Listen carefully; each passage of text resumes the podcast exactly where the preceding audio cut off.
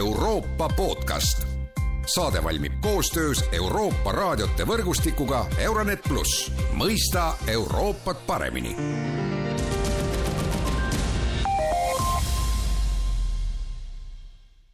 tere kuulama jälle Euroopa podcasti. kevadel tegi Eesti ettepaneku, et sarnaselt vaktsiini hankimisega Euroopa Liidu tasemel võiks Euroopa Liit hankida Ukrainale järgmiseks aastaks miljon mürsku. Kuidas on see protsess kulgemas, sellest on täna stuudios kõnelemas Kaitseministeeriumi kantsler Kusti Salm, tere päevast! tere päevast! ja mina olen Erkki Pahovski. no räägime võib-olla lahti selle ettepaneku ajaloo kõigepealt, selgitame tausta, et Kaja Kallas, peaminister Kaja Kallas märtsis selle ettepaneku tegi ja, ja mis oli selle äh, ettepaneku mõte ja, ja kuhu me siis tõepoolest praegu jõudnud oleme sellega? Noh, see, see ettepanek loomulikult on osa sellisest laiemast ähm, küsimusest, mismoodi me Ukrainat toetame, mismoodi me siin sellise julgeoleku stabiilsuse Euroopas taastame, mismoodi me Euroopa nii-öelda rolli näeme Euroopa kaitses ja nii edasi. aga nüüd konkreetselt rääkides sellest äh, ühest miljonist, siis äh, noh, otsene trigger äh, või otsene päästik äh, loomulikult oli see, et ukrainlastel on äh, suurtükilaskemoona vaja. Ähm, noh, ta on ka võrdluses Ameerika Ühendriikidega enam-vähem seesama summa, palju Euroopa, Ameerika Ühendriigid on andnud. teine asi selle asja juures on see, et juba eelmise aasta hilissügisel, selle aasta alguses oli tegelikult selge, et Euroopa laskemoonalaod hakkavad saama tühjaks ja mõnes riigis juba olid saanud tühjaks ja nüüd, kui me räägime sellest, et laskemoonalaod hakkavad saama tühjaks, siis äh, võib-olla siin raadioeetris see ei tundu eriti nagu mingi noh, kolossaalne küsimus on ju. Äh, ja siis tulevad mingid vormides eksperdid, kes räägivad sellest, et kaitsevalmidus on meil madal, mis ka noh, üheski kodumajapidamises ju sellist sõna ei kasutata kunagi. Äh, et noh, ta, ta ei too sellist nii-öelda probleemi püstitust nagu kohale. Aga mis see maakeeles tähendab, ehm, kui sul ei ole laskemoona, laskemoonalaod on tühjad, kui su laske, kaitsevalmidus on madal, kui sul võtab noh, kuni siin kuus-kaheksa kuud aega, et need äh, Ukrainale annetatud tankid tööle panna, siis noh, maakeeles see tähendab seda, et äh, Euroopas on terve hulk riike, kes ei ole võimelised ennast kaitsma ja kui sellisena see probleem välja hääldada, siis ta üsna kiiresti jõudis kõikidele riigijuhtidele kohale. Äh, just see vajadus midagi selle osas teha Äh, ja läbi selle, et me toetame Ukrainat, aitame Ukrainal siis seda sõda võita, andes neile siis kõige vajalikumat moona, mis on siis suurtüki, noh, paljuski suur, suurtükisõda seal toimub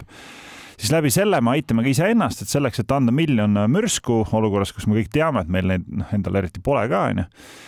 tuleb tootmisvõimekust suurendama, tuleb tehased juurde ehitada, tuleb leida viise, kuidas siis need kõik tarneahela probleemid lahendada. Äh, noh, loomulikult, et see lahenema hakkaks, tuleb ka selleks raha kõrvale panna. Äh, ja noh, läbi selle, et kui me seda kiirkorras teha suudame, suureneb ka tootmisvõimekus, läbi mille on võimalik siis Euroopal endal oma varud lõpuks ära taastada. Äh, et noh, eks ta seda sellist nii-öelda strateegilist küsimust adresseeris langes õigele ajale, oli õigesti esitatud peaministri poolt sellise karismaatilise eestvedamise poolt äh, kõigile teistele Euroopa riigijuhtidele siis äh, noh, nad ära veendud. et sellisena läks, aga noh, nüüd on küsimus see, et mismoodi me sellega edasi liigume. no natuke arvudest, äh, tahaks natuke rääkida tõepoolest laiemalt ka Euroopa kaitsevalmidusest ja kaitsetööstusest, aga, aga, aga mõnest arvust ikka vist ei pääse ka päris mööda, et siin ma üritasin nagu allikatest otsida, kui palju siis päevas Venemaa neid mürske tulistab ja siin on need hinnangud väga erinevad, et mõned ütlevad, et ainult viis tuhat, mõned ütlevad kakskümmend tuhat ja, ja teised ütlevad, et viiskümmend tuhat, aga igal juhul palju. ja noh, kui me nüüd nagu üritame selle aasta peale nagu nende mürskude arvu suunata, korrutades siis selle päevade arvuga, siis, siis ju tuleb kindlasti rohkem kui miljon, et, et noh, tegelikult vist tundub, et Ukrainal oleks ju rohkem vaja kui miljon mürsku muidugi oleks vaja, aga noh, eks nende mürskudega on natukene see, et äh, noh, lastakse kõik ära, mis on.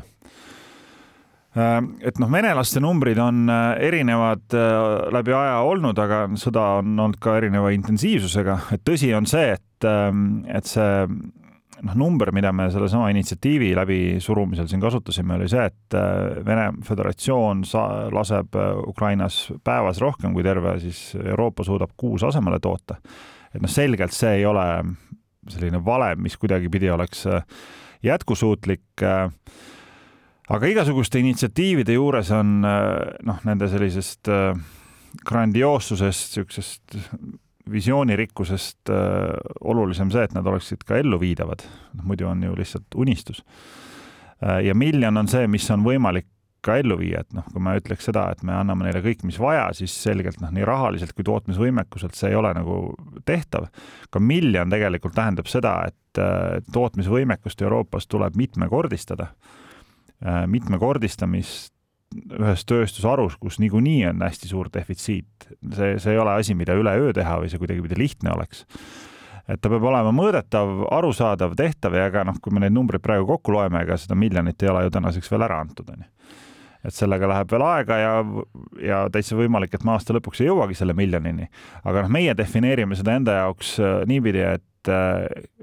et noh, seda õigem see initsiatiiv on, kui aasta lõpuks miljonid tehtud ja seda rohkem ta osutab tähelepanu sellele, et sellega tuleb tegeleda, seda rohkem ta õigustab igat senti, mis sinna investeeritakse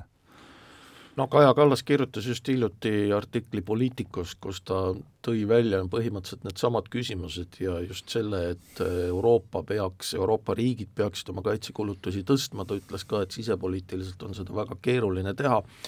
no millised need diplomaatilised signaalid on praegu, mis need kuluaarides, nagu öeldakse, et kas siis tõepoolest Euroopa on valmis neid kaitsekulutusi tõstma ja see kaitsetööstus nii-öelda siis äh, uuesti jalge alla panema?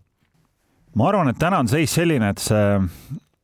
probleemi püstitus on omaks võetud, kõik saavad sellest aru. kõigil on seesama küsimus, et me ei ole tõenäoliselt valmis Euroopat kaitsma, Euroopa riigid üksi ilma Ameerika Ühendriikideta. ja kui see juba välja hääldada, siis ähm, noh, ei ole Euroopas mitte ühtegi peaministrit või presidenti, kes tahaks niisuguse välja, niisuguse lause raadios öelda ja, ja sellele siis mitte noh, mingit niisugust arusaadavat plaani, mismoodi see probleem ära lahendatakse, pakkuda, onju et sellega tegeletakse, noh, mõistagi selle probleemi lahendus ei saa olla selline patroniseerimine, onju eks seal on mingid omad põhjused, miks pole kaitsesse nii palju investeeritud, eks seal on ohutunnetuse erinevus, eks seal on äh, kaitsetööstuse konkurentsivõime küsimus ja kõik muud asjad, mis, noh, mida ei lahenda ainult sellega, et kirjutad ühe artikli või teed mingi deklaratsiooni kuskilt tähtsate riigijuhtide poolt. Ähm, et noh, alustada tuleb sellest, et mis on nagu selle ja seda ka peaminister oma artiklis tegi, et mis on meil nii-öelda see strateegiline seis, et kus me nagu oleme aastal kaks tuhat kakskümmend kolm. igal kriisil on, ütleme, viimase siis viieteistkümne aasta jooksul olnud noh, selline nagu eluaeg. Ja kui ma ütlen eluaeg, siis ma ei mõtle ainult seda, kaua see kriis või sõda on kestnud, vaid ma mõtlen seda, et mis on olnud see ajaaken, millal on tehtud selliseid siis nagu Euroopa, NATO julgeolekut tugevdavaid otsuseid või sellist nagu, sellist nagu visiooni edasi laotatud Ehm, kui me läheme tagasi aastasse kaks tuhat kaheksa, siis see kestis tegelikult ainult pelgalt kuu. Ehm, kaheksandal augustil tungis Vene Föderatsioon Gruusiale kallale. Ehm, juba augusti lõpus üks Euroopa riigijuht saatis tollasele Venemaa presidendile Medvedevile kirja, mis algas sõnadega My dear friend Dmitri, minu kallis sõber Dmitri noh, selge, et äh, sellises kontekstis mingit tohutut sellist äh, ohutunnetust või, või sellist rohkem kaitses tegemise konsolideerimist rohkem ei tulnud. kaks tuhat neliteist äh, märtsi alguses tungiti Krimmi. septembris toimus Walesi tippkohtumine no kus siis enam-vähem pandi raamid selleks paika, et tuleb äh, Äh, tegeleda ikkagist ettenihutatud ähm, äh, siis võimetega, liitlaste kohalolekuga ja noh, saata tugevam heidutussõnum. see oli kaks tuhat neliteist, pärast veel Varssavis tehti veel siin üht-teist otsuseid juurde, kus tuli Eestile siis see noh, meie oma EFP pataljon. aga noh, enam-vähem siis sai ka see nii-öelda klaaslaag ette, onju nüüd äh, tänaseks me oleme siis äh, Ukraina, Vene kallaletungis Ukrainale kuueteistkümnendal kuul ja meie nägemuses on äh, see eelmisel nädalal toimunud ülemkogu ning siis järgmisel nädalal toimuv Vilniuse tippkohtumine see, mis no põhimõtteliselt annab sellise, sellise missiooni, sellise missiooni siis ütleme või laotab ette visiooni nüüd järgnevateks aastateks ja see enam-vähem äh, saab olema nüüd nagu nii-öelda maksimum, mis tehakse, et noh, see on nagu ajalooline otsus, me oleme isegi öelnud, et see on nagu võib-olla selle generatsiooni kõige olulisem otsus, sest noh, enam-vähem kõik teavad, et et kui nüüd nii-öelda järgmine kriis selles jadas peaks tulema, siis siis äh, noh, selle la lahendamine võib-olla toimub ju Euroopa pinnal, et me noh, tegelikult meil seda järgmist korda enam oodata ei saa, onju. et noh, see on see probleemi küsimustik, statement, mis lisab talle strateegilise ajaloolise kaalu, ehk see tuleb nagu ära lahendada. Ähm, kui me räägime ja noh, kõikide jamade alguspunkt, mis Euroopas on kaitses, on noh, viimase kahekümne aasta jooksul alainvesteeringud kahe tuhande viiendal aastal Euroopa liitlased, noh Euroopa siis ilma brittide, Kanada ning Ameerika Ühendriikidega, kahe tuhande viiendal aastal oli kaitsekulutuste tase üks koma viis.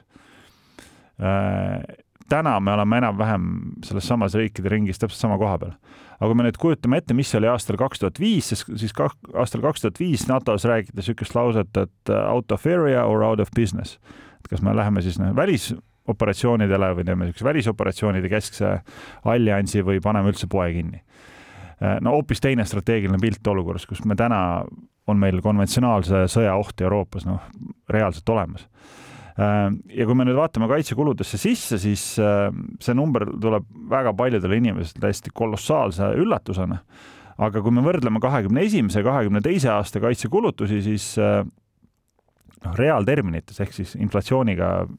siis kohandatult äh, investeerib äh, allianss või Euroopa liitlased allianssi siis üksteist koma kuus protsenti vähem. noh, noh, täiesti reaalsusest irdunud selline poliitiline arusaam, et ei ole tegelikult nagu pandud seda noh, nii-öelda siis raha sinna, kus suu on. ja see, noh, see peab selgelt muutuma. nüüd asi, millest meie oleme, ma arvan, nüüd aru saanud ja kus me peame kindlasti ise ka väga palju paremaks muutuma ja see on see, kus Euroopa Liit mängu tuleb ähm, et lihtsalt patroniseerimine ja noh, nii-öelda pooleldi tänitamine meie liitlaste kallal, et Venemaa oht on suur, tuleb rohkem investeerida, no ilmselgelt see ei tööta. Sest kui ta töötaks, siis oleks kõik oma investeeringud juba ammu tõstnud ja oleks kõik need asjad, mille pärast me neid tähtsaid kohtumisi siin korraldame, oma ära tehtud, on ju. noh, järelikult me teeme midagi valesti. ja see valesti tegemise osa ongi see, et kui Eestis, Lätis, Leedus, Poolas, Slovakkias, Soomes äh, töötab väga hästi see argument, et äh, Venemaa oht on, Venemaa oht, siis seda saab lahendada kaitseinvesteeringutega, millega osta rohkem relvi, teha tugev sõjavägi, siis noh, mingist piirist enam see ei tööta Euroopas. Ja me peame lihtsalt olema paremad seda kaitsekulude tõstmise lugu rääkimises selles osas, et see äh, pakub inimestele tööd. seal on hästi suur tehnoloogiline osakaal väärtusloome nendel töökohtadel on hästi kõrge, eksport on kõrge. selline, noh, see nii-öelda tehnoloogiline siis selle noh, spillover või see selline nagu ülekandeefekt on hästi suur. Ja see on see, mis nagu paneb nendes riikides, kus see oht ei ole nii suur, sellega rohkem tegelema. ja jällegi, see on see koht, kus Euroopa Liit on hea Euroopa Liit on, kui ta üldse mõnes mingis asjas hea on, siis ta on selles siseturu reguleerimises hea ta suudab neid äh, kaup, neid kaubandustõkkeid eemaldada hästi, ta suudab ühtseid reegleid teha, ta suudab kehtestada siis niisugust konkurentsipõhist turgu. Äh, ta suudab äh, leida mehhanisme, kuidas erinevates Euroopa riikides siis leida neid kohti, kuidas riike järele aidata, kuidas motiveerida, noh, seda on igas, absoluutselt igas valdkonnas tehtud viimase kolmekümne, neljakümne aasta jooksul ja kaitse nüüd jär, jär, järjest ja, ja noh, see on selle ettepaneku sisu, et noh, võtame siis kaitse tõsisemalt ette, investeerime rohkem, teeme selle atraktiivsemaks ja läbi selle siis noh, muutume ka ise tugevamaks. No siit tõukubki äh, minu viimane küsimus, et äh, et praegu vist on valikud ju selles, et kas siis anda nende mürskude tootmine ainult Euroopa firmadele või võiks need mürske siis nagu hankida ka väljastpoolt Euroopa Liitu, noh loomulikult nagu noh, järeldades siis teie eelmisest vastusest, vist oleks ju kasulikum ka sisepoliitiliselt anda seda rohkem tootmisõigust siis Euroopa firmadele, et inimesed saaksid tööd ja nii edasi. noh, teisest küljest tekib ju küsimus, eks ole, et kui, kui võtta seda väljast, siis saaks võib-olla kiiremini mm. -hmm ja see on üks, selgelt üks küsimus, et no eks neid küsimusi on veel, noh alustades sellest lihtsast küsimusest, et kus, kus need kümned, sajad miljardid tulevad üldse, onju. et aga noh, kui me oleme sellest kuidagi üle saanud, siis no loomulikult esimene küsimus on see, et kui me nii palju raha paneme, siis et noh, mis me veel kasu saame, noh eriti nende riikide poolt, kellel võib-olla otsest ohtu ei ole mm see mm, küsimus on äh, strateegiliselt oluliselt laiem ja see tegelikult on, küsimus on väga, meile ka väga ihulähedane. Ähm, traditsiooniliselt, kaasa arvatud meie, aga üleüldiselt noh, Euroopa transatlantilises julgeolekus on Euroopa Liidu rolli NATO kõrval nähtud sellise nullsumma mänguna. no mis on lühidalt kokkuvõttes siis umbes selline, et kõik, mis me teeme Euroopa Liidus sõjaliselt rohkem, tuleb kõik NATO arvelt. Ja noh, loomulikult meie vaates kõik, mis tuleb NATO arvelt, on halb, seda me ei taha teha, onju. NATO on meie julgeoleku tagatis number üks, kõige seal on meie kõige tugevam liitlane Ameerika Ühendriigid, see on see, mismoodi viimased seitsekümmend aastat on edukalt Euroopat kaitstud. Ehm, ja enamustes kohtades see ongi tõsi, sest lõppkokkuvõttes need sõjaväed on samad, ei ole mingi Euroopa Liidu sõjaväge olemas, ei ole ka mingit Euroopa Liidu kaitse-eelarvet, Euroopa Liidu relvi olemas, kõik on riikide relvad, et kõik, mis me seome mingisuguste teiste asjade, teiste juhtimisstruktuuridega, Euroopa Liitu, noh, see tulebki otseselt NATO arvelt, see siin ei ole vaja nagu veiderdada kuidagi või mingit ilustada sõnu. nüüd, kui me aga räägime laskemoonast, siis noh, sisuliselt laskemoon, eriti kui me räägime sellisest nagu lihtsamast asjast ähm,, äh, noh, suurtükid, miinipildujad, tankitõrje, noh, tegelikult on ta kuluvahend sõjalises mõttes, ta on noh, ta on küll oluline ja olulisem kuluvahend kui teised, aga noh, ta on enam-vähem samas kategoorias kui äh, diiselkütus, toit ähm,, meditsiinivahendid. Ja noh, tegelikult ta ei ole strateegiline küsimus, noh, väga suurt vahet ei ole, kus nüüd konkreetselt seda toitu toodetakse või või, või kuskohast see nafta tuleb, naftat niikuinii Euroopast ei tule, et see on, noh, ta on nagu mittestrateegiline. et selles mõttes see laskemoon läheb ilusti sinna nagu kategooriasse, mille peale me võime öelda, et noh, väga vahet pole, kust ta tuleb, et noh, noh, täiesti kindla peale ta ei õõnesta sellist nagu nii-öelda NATO rolli Euroopas ja kui me oleme selle küsimuse juba nii-öelda mentaalselt ära lahendanud, siis edasi on see lihtsalt selline majanduspoliitiline küsimus kus äh, ma isiklikult arvan ja ma arvan, et me oleme nagu Eestis nagu laiemalt ka selle, selle järeldusele jõudnud, et et noh, see on tegelikult nagu loogiline, isegi Euroopale kasulik ja mõistlik, kui Euroopa ise oleks võimeline nüüd enamus seda laskemoona tootma, mis meil endal sõjaliselt vaja läheb. noh, nii strateegilise sellise jätkusuutlikkuse küsimuses kui ka selles osas, et Eesti või Euroopas võiks olla see noh, teadmine, know-how, tehased ja kõik see muu olemas, et seda teha, onju. et see on eh, eesmärgina täitsa noh, normaalne. no loomulikult siin on ka nüansse, noh, nüansid on näiteks sellised, et okei okay,, et isegi kui sa laskemoona siin toodad, siis laskemoona komponendid, noh, tulevad igalt poolt mujalt. Tulevad sul Hiinast, Tšiilist, Austraaliast, no igalt poolt mujalt, et kuidas me seda küsimust siis lahendame, onju noh, võib-olla mõistlik lahendus on see, et noh, need ettevõtted, kes seda lõpuks kokku panevad, peaksid olema siis Euroopas, et noh, siis on küsimus ka selles, et noh, meil on ikkagi vabaturumajandus Euroopas, et noh, ettevõtted ei pea tingimata olema noh, Euroopa riigi ettevõtted, ei pea ka olema Euroopa investorite omanduses, võivad täitsa vabalt olla ka Ameerika investorite omanduses, mis me nende ettevõtetega teeme või Briti näiteks. Noh, loogika ütleb seda, et ega kui Euroopas juba toodetakse, meie inimesed seal töötavad, no mis vahet seal on, kes selle kapitali omanik on noh, meie näeme seda niipidi, on Euroopas riike, kes näevad seda kuidagipidi teistpidi, et aga noh, see ongi diplomaatide ja selliste kaitseametnike ja poliitikute töö see siis kuidagi ära klaarida ja siis meie kõikide Euroopa liitlastega kokkuleppele jõuda. aga see on juba, ütleme, et kui me nagu sinna kohale jõuame, et kuidas nüüd seda täpselt ja mis ettevõttes osta ja teha, et see on juba, võib kategoriseerida kui meeldiv probleem. Aitäh stuudiosse tulemast, Kusti Salm, see oli tänane Euroopa podcast, kõike head ja kuulmiseni! aitäh teile!